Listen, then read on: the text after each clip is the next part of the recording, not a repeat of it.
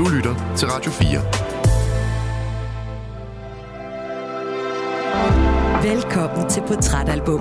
Din vært er Anders Bøtter. Det føles som noget, man ikke kan flygte fra. Det er ligesom at lave en yoga nidra, samtidig med, at det er ligesom at få et ordentligt mavepuster, som er kærlig, og man bliver sådan holdt om imens. Jeg tror, det der med, at man ikke kan flygte fra det, var ligesom det store, for jeg var så meget på flugt i den tid. Possessed of magical sensitivity would approach a girl like me. Jeg følte mig inviteret ind til en følsomhed, jeg kunne genkende, men som jeg absolut ikke havde lyst til at være ved. Gud, man må gerne se verden sådan her. Jamen, så kan det være, at man også godt må se verden, som jeg gør.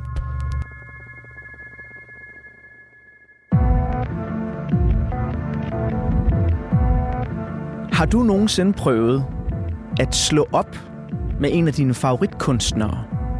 Eller har du prøvet det der med, at et teenage-idol pludselig blev voksen før dig, og så udgav et album, som bare var alt for modent og velovervejet til din smag? Det har jeg prøvet. For jeg har nemlig engang slået op med Bjørk. Den dag i dag, der kan jeg sagtens se, at albumet Vespertine er et stille mesterværk og et album, der ramte startnullernes ambiente elektropop helt rent. Men dengang albumet udkom, dagen før min 21 års fødselsdag, ja, der var jeg slet, slet ikke klar til at rejse med Bjørk hen til hendes afdæmpede hidden place.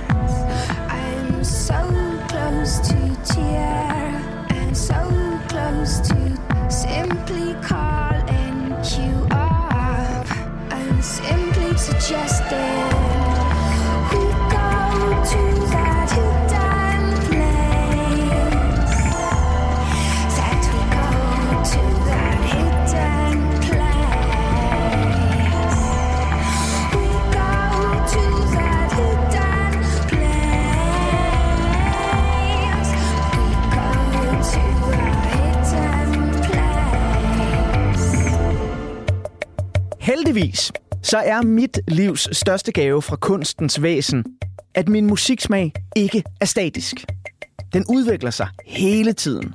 Så i denne uges portrætalbum her på Radio 4, der kan ugens gæst, min lyddesigner Emil Germod og jeg, forkæle dine øregange med sange fra et album, som også jeg her i 2024 meget gerne vil anerkende som værende både et nybrud og et højdepunkt i Bjørks karriere. Så jeg er helt åndssvagt glad for, at ugens gæst har valgt 2001-albummet Vespertine, når vi igennem de næste 2 gange 55 minutter skal tegne et portræt af en af Danmarks nyere skuespilstalenter, som blev uddannet fra Skuespillerskolen ved Aarhus Teater for sådan cirka 10 år siden.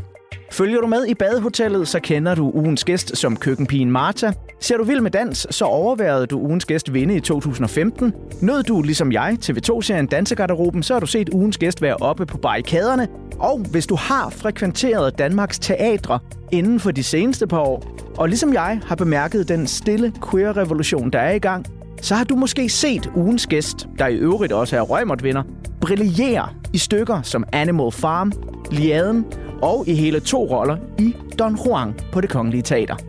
Og det var her, at jeg forleden mødte ugens gæst og råbte, Kors, hvor er du sej! Du skal være med på trætalbum! Eller sådan noget lignende. Nu der er det var i hvert fald en kæmpe stor fornøjelse at kunne sige, en af Spotak, hjertelig velkommen til Portrætalbum. Tak. Det var et dejligt afvæbnet lille fnis der. var, var det at høre øh, sin øh, karriere rullet op, Ja. øh, der er afsted kom det?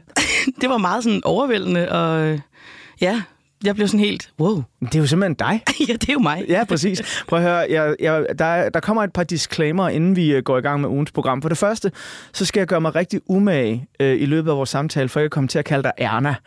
Fordi jeg har en rigtig god norsk veninde, der hedder Erna, og hendes efternavn, det starter med S. Øh, Ja. Så jeg er meget sådan, Klar. jeg, jeg har øvet mig. Ena, Ena, Ena, Ena. Men prøv at høre, det vil ikke være første gang. Vil det ikke det? Nej. Nå, okay. Altså, jeg har heddet rigtig mange mærkelige ting. Ja, og øh, jeg, jeg nailede også efternavnet Spotak. Ja, selv tak. Ja. Dejligt. Den her udsendelse, den bliver sendt den 12. januar 2024. Men det skal ikke være nogen hemmelighed, at vi sidder og snakker sammen i begyndelsen af december 2023. Og jeg ved, Ena, at du efter vores samtale her skal suge videre til prøver på ja. Betty Nansen Teateret. Det er præcis. Må du sådan her i begyndelsen af 2024 afsløre, hvad det er, du er i gang med at øve op til lige nu? Det kan du tro. Uh, vi øh, er i gang med at lave Edvard den anden, uh. som er en uh, Christopher Marlowe-forestilling eller et stykke, som han skrev i ja, slut 1500, start 16, John et eller andet, samtidig med Shakespeare. Og han var ligesom the bad boy, øh, som blev, tror jeg, stukket ned. Det er ham fra Shakespeare in Love, der dør, og han bliver stukket ned med en kniv. Ikke? All right.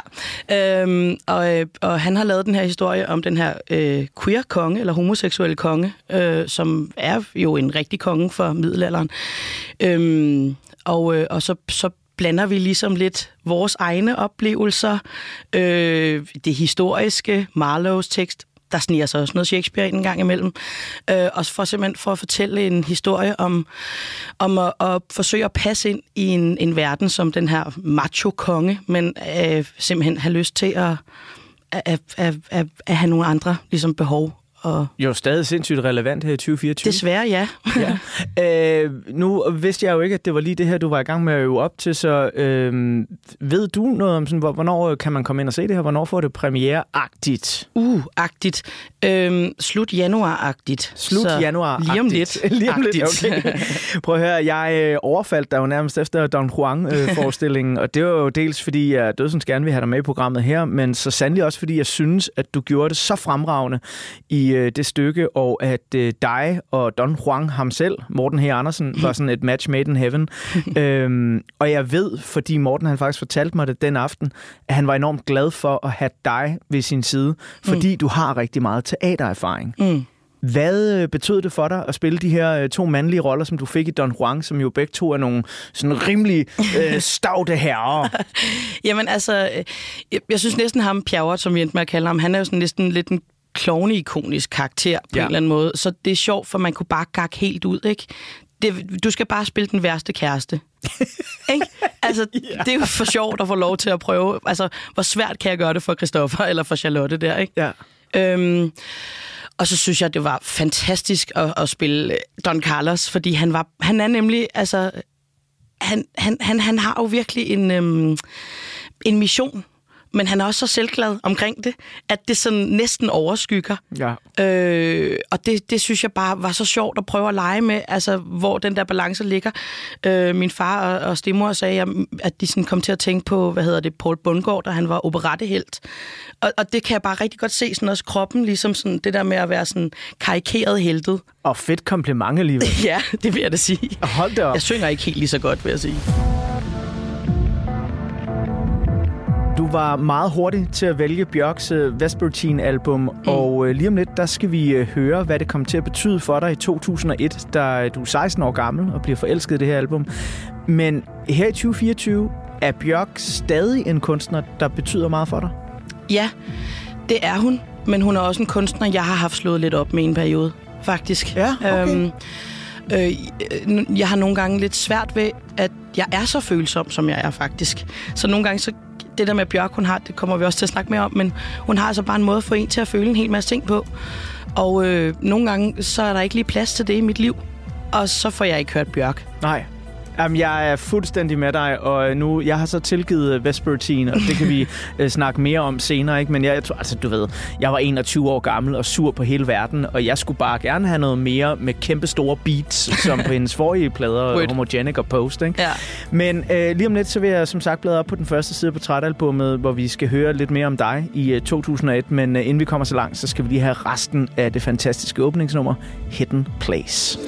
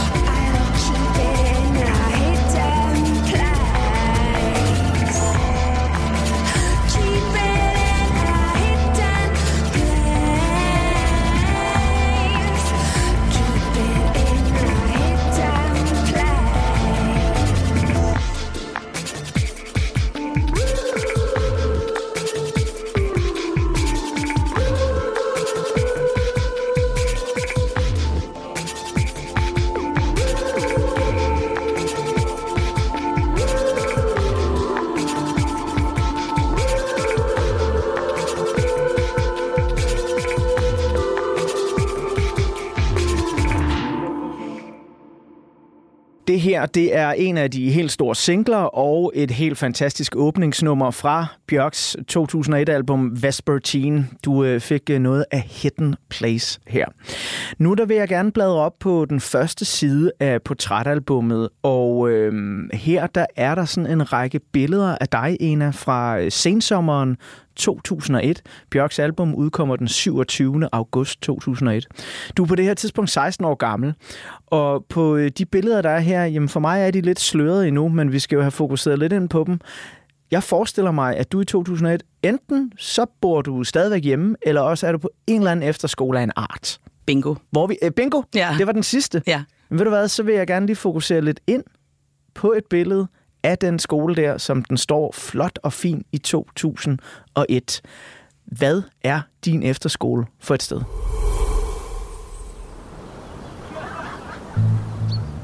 Min efterskole er øh, faktisk nummer to efterskole, jeg tager på på det her tidspunkt.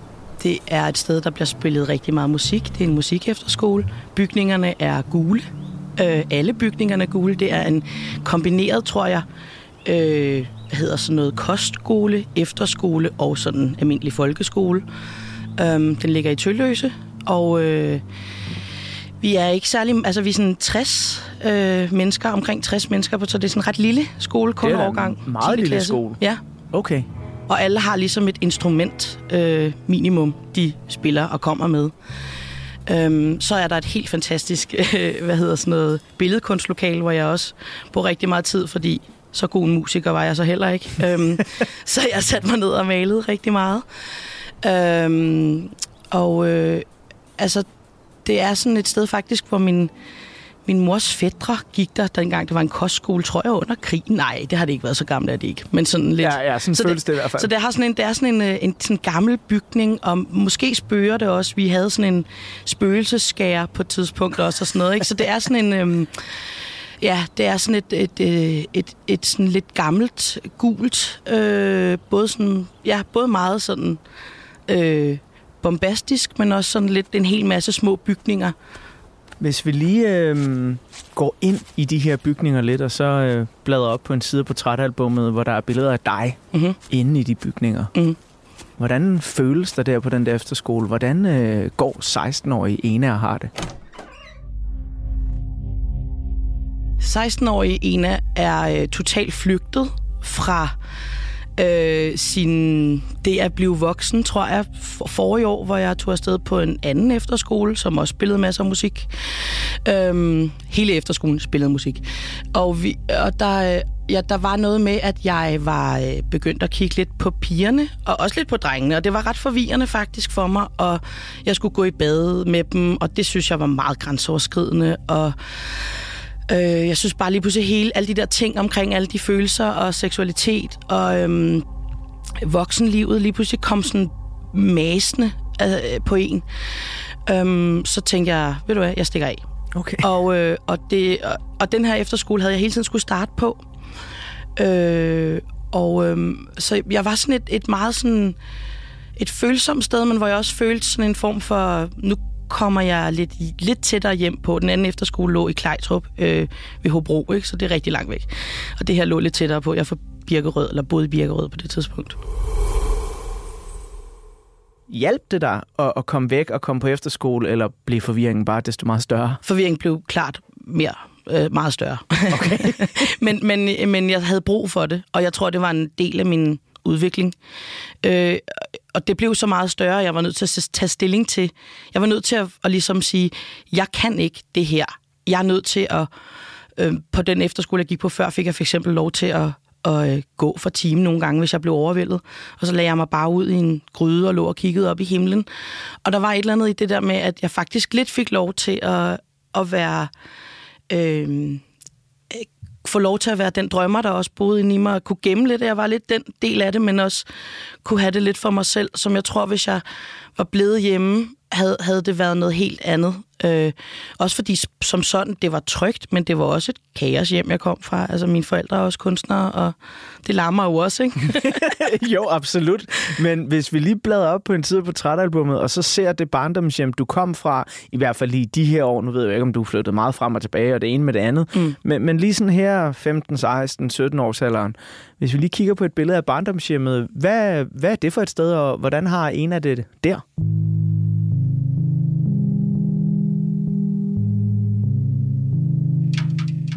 På det tidspunkt kunne jeg mærke, at alting strammede til og spidsede til. Jeg begyndte faktisk at have øhm, øh, et par år før få sådan nogle... Øh, altså min fantasi matchede ligesom ikke verden rundt om mig. Og, øh, og jeg havde det rigtig, rigtig svært faktisk med, at jeg var født som pige, og at jeg skulle til at være kvinde. Øhm, fordi når man var, da jeg var pige, der, der kunne man ligesom få lov til at lege med kønnet, eller man var barn, og jeg måtte også få lov, altså jeg havde gik på en skole, hvor jeg fik lov til at hedde Thomas, eller i hvert fald sagde de Thomas højt i protokollen, når de råbte mig op. Og det var helt alligevel sådan, sådan meget inkluderende. Super progressivt for sådan Aalborg i start 0'erne, ikke? Ja, eller start 90'erne, eller ja, men, men der, altså, så jeg var sådan begyndt, at det hele var ved at blive lidt for, for, for voldsomt, og det, det var nok også det, jeg skulle flygte fra, ikke? Altså, det var Øhm, og jeg blev, jeg blev ærligt en lille smule sådan lidt semipsykotisk, tror jeg. Jeg havde sådan nogle tegninger, jeg sad og tegnede, hvordan jeg ville se ud, og kiggede på sådan nogle billeder af Leonardo DiCaprio og tænkte, ej, ham vil jeg gerne ligne, fordi ham synes alle er flot. Jamen, altså, hvem vil ikke det? Ja, præcis. Altså. Ikke? så, så der var sådan en, der var sådan en, hvad kan man sige, sådan en, en ret stor kønsforvirring i mig. Øhm, og så var der noget med min, at jeg kunne mærke, der var en, en diskurs imellem min, min fantasi og min drømmeverden, og, og jeg kan se nu efter jeg er blevet voksen, at min mor er også et meget fantasifuldt menneske. Det er min far egentlig også, og min søster er bestemt. Så der var ligesom sådan en... Øhm, det var meget sådan en lille øh, cocoon af, af, af eventyr og alt muligt, men når man så gik ud i verden, så blev det bare så voldsomt. Possessed magical sensitivity would approach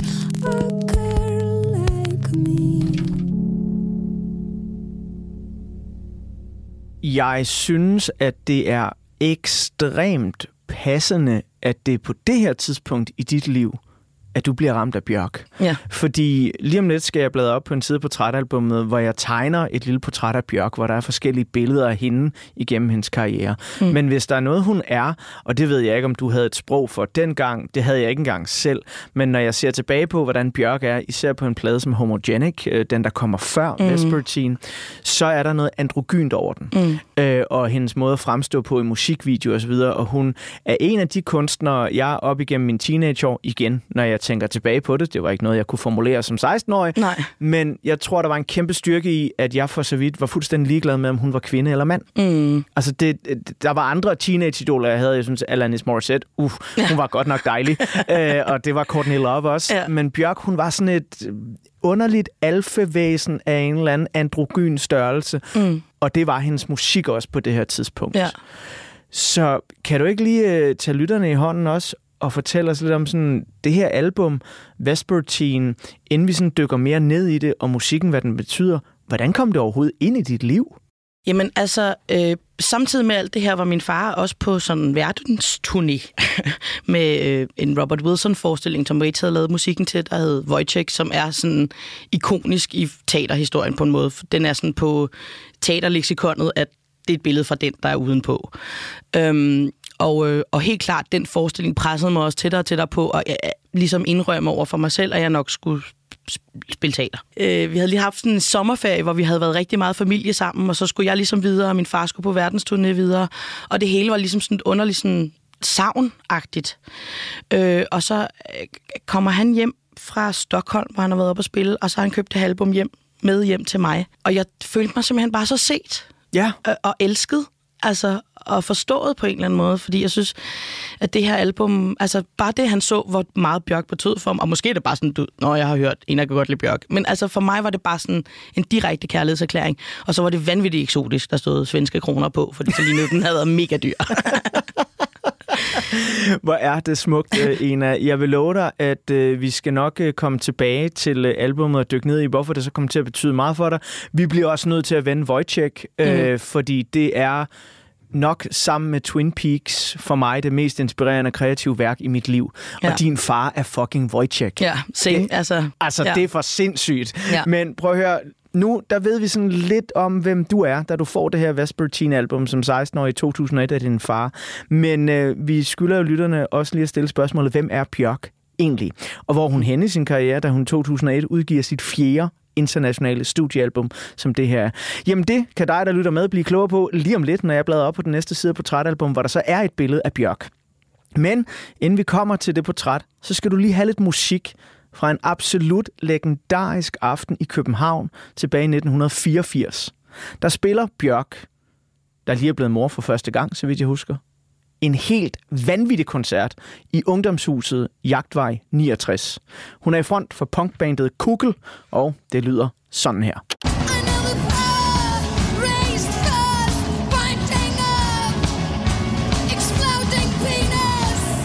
Hvis du virkelig havde fingeren på undergrundsmusikkens puls helt tilbage i 1984, så er du måske en af de heldige, som overværede Bjørk spille med sit punkband Kugel i Københavns Ungdomshus på Jagtvej 69.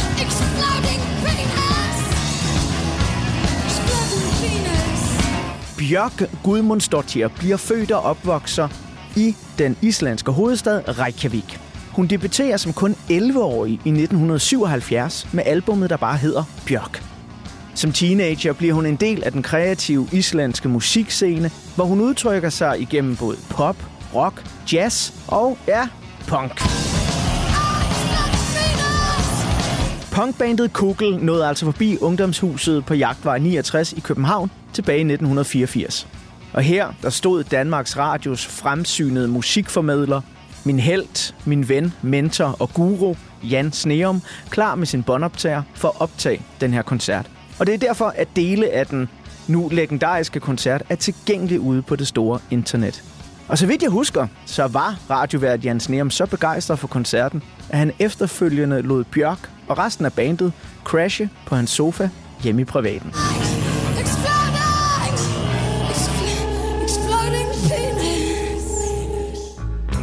Men udover deres legendariske koncert på Jagtvej 69, så bliver Kugel faktisk også det første islandske band nogensinde, der optræder på Roskilde Festival. I 1986 udgiver de deres andet album og går derefter i opløsning. En håndfuld af medlemmerne fra Kugel, blandt andet Bjørk, danner bandet The Sugar Cubes. Og de når efter islandske forhold at blive kæmpe store. Inden Sugar Cubes går i opløsning i slutningen af 92, så når de, blandt andet sammen med hiphopgruppen Public Enemy, at varme op for U2 på den amerikanske del af deres gigantiske Zoo TV Tour. Dermed når Bjørk og Sugar Cubes hen over to måneder at spille for mere end 700.000 mennesker.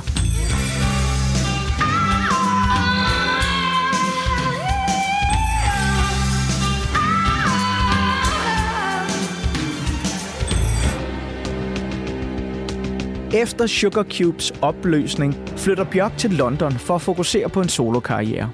Da hun ser det som en frisk start, så får det første album, hun indspiller uden for Island, titlen Debut. Og så begynder det ellers at gå stærkt. Rigtig stærkt. Bjørk bliver en del af den boblende engelske musikscene, som i de år er i rivende udvikling med både britpop og trip-hop som de helt store spydspidser. Elektroniske troldmænd og kvinder fra de britiske musikscener får stor indflydelse på Bjørk, som dog stadig bibeholder en helt unik lyd, hvor hun lejende let blander punk-energier med popballader, jazzinstrumenteringer og både bløde og hårde elektroniske elementer.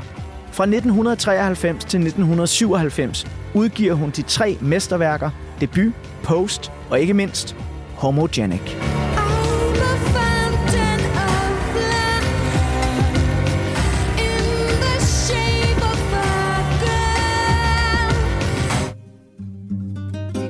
Det var egentlig planen, at Homogenic skulle indeholde en række hyldester til Island, men optages i hendes nye hjemland, England.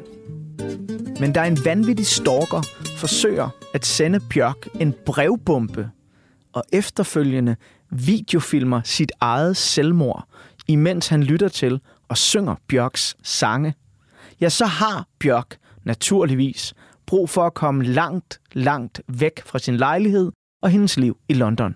Derfor låner hun trommeslager Trevor Moraes hus i Spanien, hvor optagelserne til Homogenic fortsætter. Hun indspiller blandt andet nummeret So Broken, der handler om hendes følelser over for den sindssyge stalker. Nummeret kommer dog kun med på den japanske udgave af Homogenic. So broken.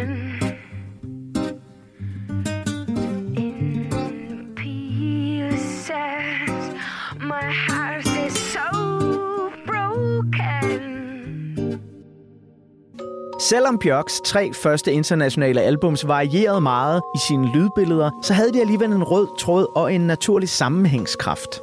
Og set i det lys, så er Bjørks fjerde internationale studiealbum et nybrud. Vespertine forsøgte ikke lige så insisterende konstant at skubbe til grænserne og genrekonventionerne i elektronisk musik, men udmærkede sig i stedet for ved at være et meget mere intimt og afdæmpet album. Et åbent rum. I produktionen tog Bjørk endda højde for, at det her album det skulle lyde godt, hvis det blev delt på nogle af tidens ulovlige fildelingstjenester på internettet, såsom Napster og LimeWire. Derfor så blev udtrykket på albummet også mere spinkelt, fortættet og minimalistisk.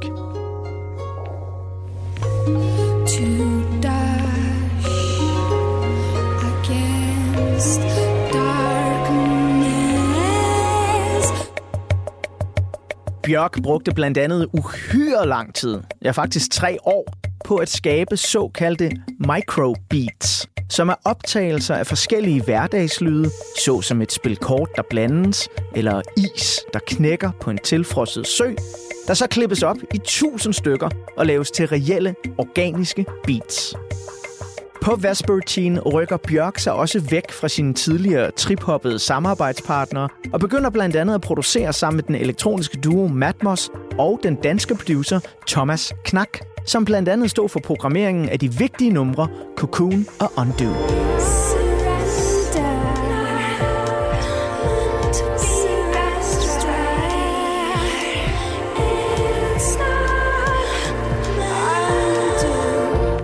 I forhold til Bjørks tidligere albums, så indeholder Vespertine meget intime og private numre, hvor Bjørk både udforsker de sammenbrud, hun havde under indspilningen af Lars von Trier-filmen Dancer in the Dark, samt hendes nyfundne erotiske eventyr og forelskelsen i kunstneren Matthew Barney, som hun efterfølgende indledte et stormombrust forhold med.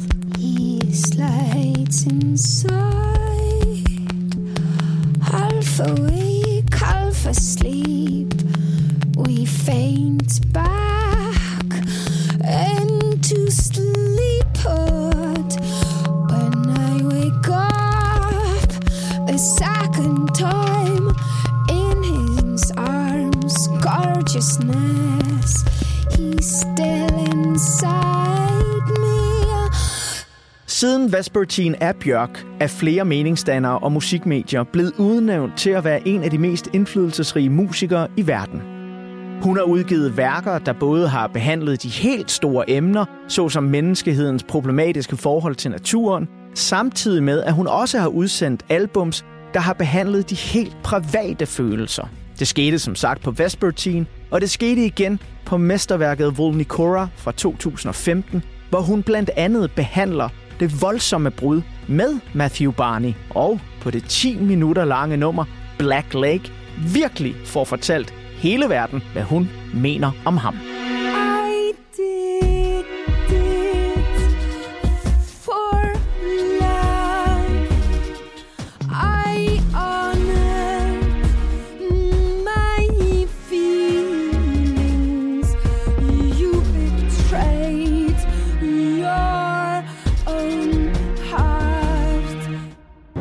Selvom Bjørk har vundet utallige musikpriser og modtaget alverdens hæder fra meget etablerede fornemme kulturinstitutioner, så har hun aldrig mistet sin punkede kant eller sin trang til at lave om på tingenes tilstand og stillstand. Derfor så har hun blandt andet støttet en lang række frihedsbevægelser, miljøaktivistiske organisationer og højlydt brugt sin egen stemme i kampen for frihed og uafhængighed. Det skete blandt andet på albumet Volta hvor sangen Declare Independence var rettet imod Færøernes forhold til Danmark.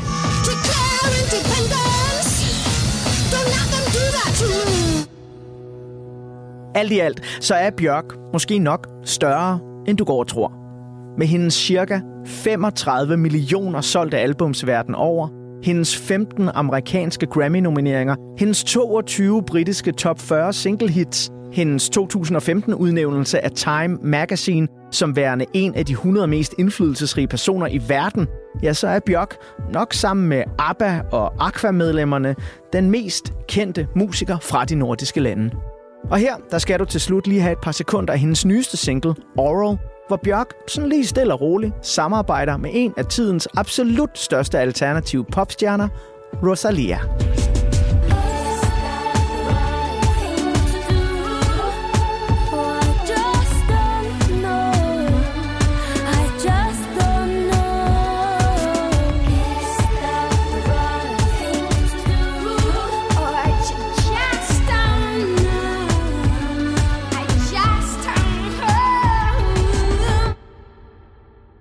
Det var en lille overflyvning over øh, Bjørks karriere. øh, jeg krassede sådan lidt i det der kæmpe islandske isbjerg, fordi der er jo masser af mere at fortælle, og der er masser af albums, jeg ikke kom ind på, og mange store, crazy kunstinstallationer osv. Mm. Øh, vi har lige hørt sådan en lille smule af Bjørks 2023-single øh, Oral, øh, og det siger jo meget om, hvor lidt jeg egentlig følger med i Bjørk, at jeg vidste ikke, den var kommet. Nej, heller ikke mig. Nej, jeg har hørt den, øh, og må faktisk så sige, at jeg kan anbefale dig at høre den. Ja. Øh, for jeg synes faktisk, den er ret fed, og jeg synes, det, det er sådan en... Øh, altså, nu ved jeg heller ikke alt om Rosalia, men jeg har dog noteret mig, oh. at hun dels er, er fucking badass, ja. men så er hun også en kunstner, der netop ikke er bange for at bevæge sig hen over den helt skamløse smadre radio-pop, mm. og så over til noget virkelig alternativt og finurligt. Mm. Lidt ligesom Bjørk jo var op ja. igennem 90'erne og 00'erne. Så et samarbejde mellem de to er jo også bare sådan match made in heaven på mm. en eller anden måde, ikke? Mm. Du får det her øh, album Vespertine, hendes fjerde internationale studiealbum af din far i 2001, efter han har været i Stockholm og spillet med øh, det fantastiske teaterstykke Wojciech. Og nu vil jeg gerne øh, bladre op på et billede her i portrætalbummet, hvor du så hører Vespertine en af de første gange. Det er ikke nødvendigvis den første gang. Det er jo ikke sikkert, at du kan huske lige, hvor det er henne. Men jeg er nysgerrig på 16-årige Ena, der sidder der med det her enten i hørebøfferne eller i højtalerne, eller hvordan det nu kommer ud. Hvad er det for noget musik, der rammer dig, og hvordan føles det? Jamen altså, det føles som noget, man ikke kan flygte fra. Det føles som, at jeg har haft alle de her ekstreme følelser i mange år. Øh, har, har, øh, har flygtet lidt fra dem, jo taget på efterskole og alt muligt. Og jeg sidder sikkert derhjemme øh, og hører det på øh, mit anlæg. øh, og, øh, og har det sådan, wow. Altså, det er ligesom at, det er ligesom at lave en yoga nidra, samtidig med, at det er ligesom at få et ordentligt mavepuster, som er kærlig, og man bliver sådan holdt om imens. Og jeg, jeg, øh, jeg tror, det der med, at man ikke kan flygte fra det, var ligesom det store, for jeg var så meget på flugt i den tid. Øhm, og, øh, og jeg pludselig følte sådan en, gud, man må gerne se verden sådan her. Jamen, så, så kan det være, at man også godt må se verden, som jeg gør. Øhm, og jeg kan huske, i hvert fald, jeg har hørt det her album rigtig mange gange med høretelefoner på, og der er noget med at være ude i verden og sidde i tog, mens det regner på ruderne. Altså, man kan nærmest zoome ind på de der dråber. Alting bliver så øhm, mikro, samtidig med, at det er så episk på en eller anden måde. Øhm, så jeg tror, at, at jeg ligesom sådan følte mig inviteret ind til en følsomhed, jeg kunne genkende, men som jeg absolut ikke havde lyst til at være ved.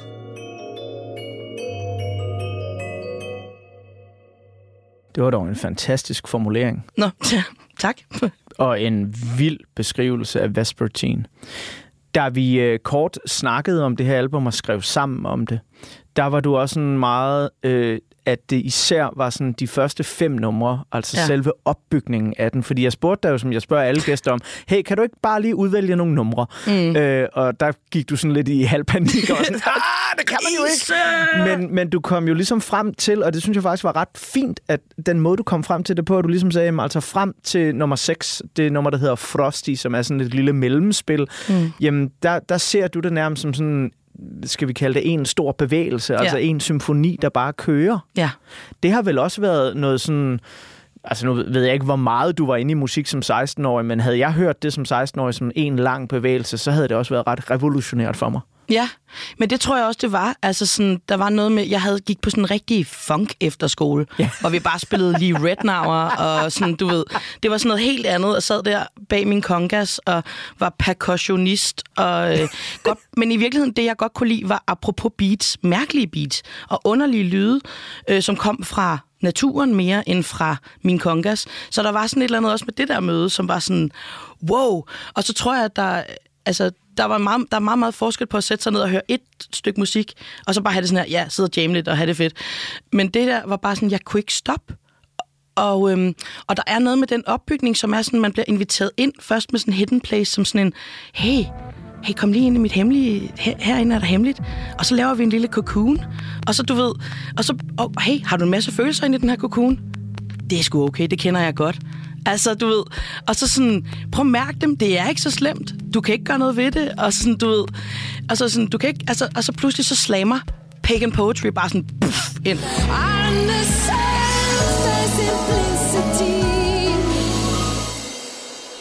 Og man er sådan, okay, må jeg, må jeg godt forholde mig til alle de her dæmoner? Hell yeah! Altså wow! Sådan... Prøv at høre, jeg elsker, at du uh, slutter den ved Pagan Poetry, fordi det er faktisk det næste nummer, vi skal have.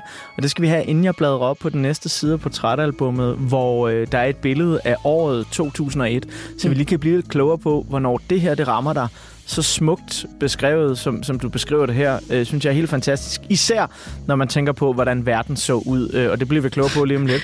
Men Pagan Poetry var også det første nummer, som du sådan overhovedet ikke var i tvivl om. Altså fordi jo, det var svært for dig at udpege nogle numre, og du har ligesom været rundt på hele mm. pladen, og jeg skal gøre mit bedste for at fylde så meget ind. Men Pagan Poetry, det virkede som den der oplagte no-brainer. Ja. Er, er det bare sådan det største nummer på pladerne for dig, og, og hvorfor blev det lige den, der var så stor? Altså, der er noget, men det, jeg tror, det har noget med den der dramaturgiske opbygning, at man ligesom bliver lullet ind, og man bliver, sådan, man bliver ligesom lokket til at vedkende sig nogle følelser, og pludselig så siger det bare sådan her, what the hell, nu kommer der det her episke track, der bare sådan smadrer dig, men på sådan en super kærlig og støvet og forsigtig måde under et læs ned, ikke?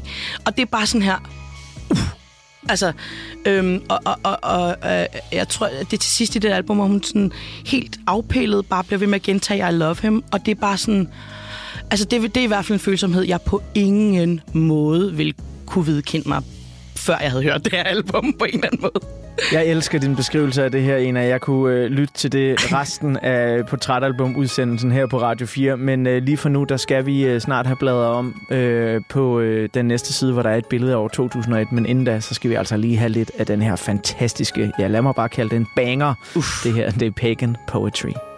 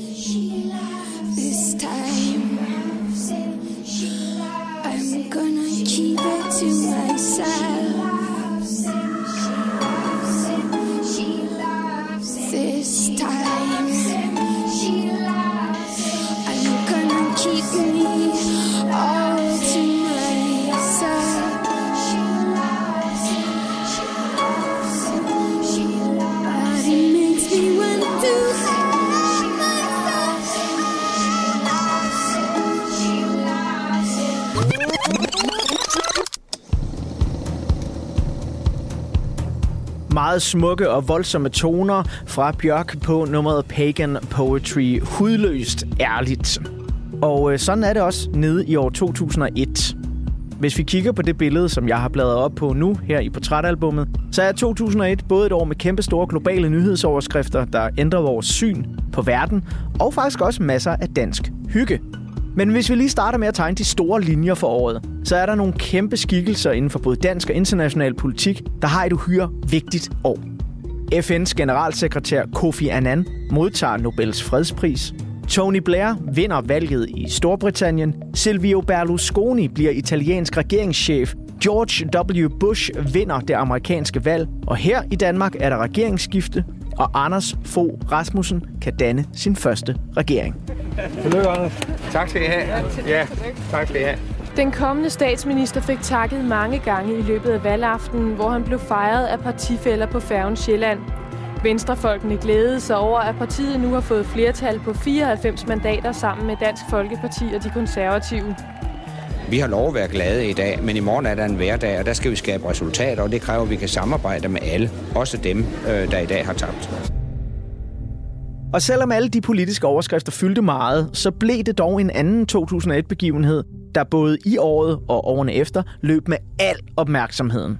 Den 11. september 2001 indtraf et vendepunkt, hvor det var som om tiden stod stille i et par sekunder.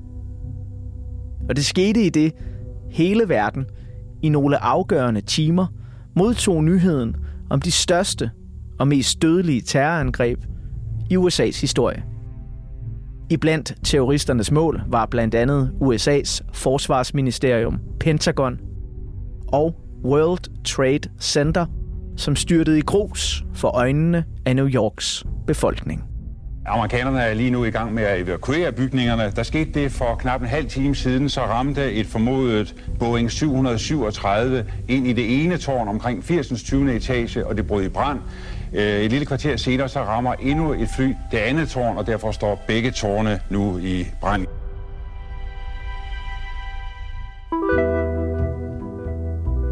Men selvom terrorangrebene den 11. september 2001 ændrede manges verdensbillede på et splitsekund og gravede dybe grøfter imellem mennesker fra forskellige kulturer og religioner, så var 2001 heldigvis også et år, hvor der var en mulighed for lidt eskapisme foran tv-skærmen og i biografens mørke. Herhjemme i den lille danske Annedam, der vinder Amin Jensen Folkets Gunst og modtager prisen som danskernes tv-favorit. Og det gør han i et år, hvor den hårde socialrealistiske film Bænken vinder tre Bodilpriser og trækker mange danskere i biffen. Men selv en storspillende Jesper Christensen kan ikke hamle op med billetsalget til Lone Scherfis nye film Italiensk for begyndere. Med en berlinsk sølvbjørn i ryggen og hele 800.000 solgte biografbilletter, så er Italiensk for begyndere stadig den dag i dag den mest sete danske film i den nyere filmhistorie. Buongiorno Juventus, benvenuti. Ecco il concessionario. Lui hai un retina di capelli. Taler du italiensk? Altså, hvad synes du selv, det lyder som, var professor? Jeg tror, du var fra Finland. Halvfind. Det lyder da sådan lidt af finsk. Det er sgu da fordi, jeg arbejder i en hal, mand. Og vi har brug for noget at grine af i 2001. For udover terrorangrebene den 11. september, så byder året også på en anden vigtig nyhedsoverskrift. Året før, i år 2000, blev en dansk kvinde og hendes to børn slået ihjel på bestialsk vis. Den 15. marts 2001 faldt der dom i sagen. Peter Kenneth Bostrøm Lundin straffes med fængsel på livstid. En kort overflyvning over noget af alt det, der skete i 2001. Du øh, går på efterskole, er 16 år gammel og spiller congas til i Rittenauer, øh, og er helt inde i Bjørks Vespertine-album, som du føler dig meget set af. Mm. Jeg gider næsten ikke spørge, om du kan huske den 11. september, for det tror jeg, de fleste kan. Ja. Men ellers er de her ting, der sådan øh, foregår rundt om i verden, det her verdensbillede, jeg lige har karikeret op, hvor der jo både er uhyggelige overskrifter, så som Peter Lundin, der mm. øh, jo er, jeg skulle til at sige her, det er alle vejen, det, det er ret ulækkert at tænke tilbage på. Mm. Øh, Amin Jensen bliver årets komiker, der er italiensk for begyndere. Mm. Øh, er det nogle ting, der kommer ind på din radar på det her tidspunkt? Betyder det noget for dig, eller er du bare i den der verden, du er flygtet til? Jeg er nok mest i den verden, jeg er flygtet til, men jeg øh, var meget opmærksom på, på man kan sige, øh, jeg, jeg, jeg var meget påvirket af, af, af, af de politiske strømninger, og, og, øh, og hele altså 11. september var ret voldsomt at være, være på efterskole, være væk hjemmefra og, og sidde der. Og min bedste ven havde for nylig været op i de der Nej, Twin Towers og sådan noget. Så der var, sådan et, der var et underligt perspektiv, og det der med, at vi sad sådan en hel masse børn jo bare og så på det der tv. Det var ret voldsomt. Det var det jo for os alle sammen. Øhm, og, og, så, så, så, og, så, og så den reaktion også, der var på, på, øhm, på det, og nu var det krig, og øh, alt kunst skulle kvæles, medmindre det havde sådan succes ude i verden, eller italiensk for begyndere. Og, og jeg kan bare huske, at jeg blev så, jeg var sådan, jamen det er ikke, den her verden kan man jo ikke være i på den måde, som jeg er. Nej. Altså, øhm, og jeg kan huske, at jeg forsøgte at tage ud til en, en demonstration, en af de der sådan Irak-krigsdemonstrationer, jeg var sådan, gud, men det, de lytter jo overhovedet ikke til os. Altså lidt ligesom nu, ikke? Hvor man sådan, jamen, helt ærligt, det kan I faktisk ikke være bekendt. Øh, I valgte os. Vær lige lidt, opfør jer ordentligt. Og jeg har jo sådan rigtig sådan en, der er gået på friskole altid, ikke? Og tænk, vær over for de andre, som du vil have, de skal være over for dig, og sådan kongas, ikke? Ja. Og det her var bare sådan, what, what is, hvad, hvad sker der lige her? Altså, ja. Og de lukkede den frie ungdomsuddannelse. Det var, jeg var sådan noget lige præcis ikke at melde mig på den frie ungdomsuddannelse. Og til dem, der ikke ved, hvad det er, så var det sådan en, en måde, hvor man faktisk kunne få lov til at udvikle nogle kompetencer øh, inden for noget kreativt også, men også, du ved, det kunne være alt muligt forskelligt. Men mange kreative brugte det, og så kunne det være, at man blev skolelærer, men så blev man fucking den fedeste skolelærer, der nogensinde havde været. Jeg er født i 1980, og der er æder mame mange af mine venner og barndomskammerater, der er endt med at være musikere, skuespillere, ja, skolelærer, øh, forfattere, mm. som har startet øh, deres øh, vej derhen imod på netop den frie ungdomsuddannelse. Øh, kæmpe ting for, for, for min generation også. Og jo også, ja, og, og det er jo også et tidsbillede af det, det her. Altså ja. Altså nu, øh, uden at komme ind på partipolitik, så lad mig da bare sige, at jeg i hvert fald på det her tidspunkt var sådan rimelig meget øh, over mod det venstreorienterede. Ja. Og se en verden, hvor det er Silvio Berlusconi, ja. George W. Bush og Tony Blair det var og Anders Fogh. Ikke? Det var uhyggeligt. Det var i hvert fald for mig som 21-årig, jamen det, det var uhyggeligt. Ja. Og, og det er ikke, fordi jeg, jeg sidder og udskammer øh, folk, der stemmer borgerligt her på Radio 4 overhovedet ikke. Det var bare følelsen af at være 21-årig og have et andet syn på verden, der, der jo virkelig crashede ned med de tårne der, ikke? Jo, og, og, og, og så er krig jo lige meget hvad, tror jeg, en ret uhyggelig ting. Ja, det er det. Og, øhm, og så, og så øh, altså, jeg er ikke bogligt begavet. Øhm, så der var, det var virkelig også sådan et personligt tab for mig, da den frie ungdomsuddannelse lukkede, fordi ja. jeg var sådan, okay, hvad, hvad skal jeg så?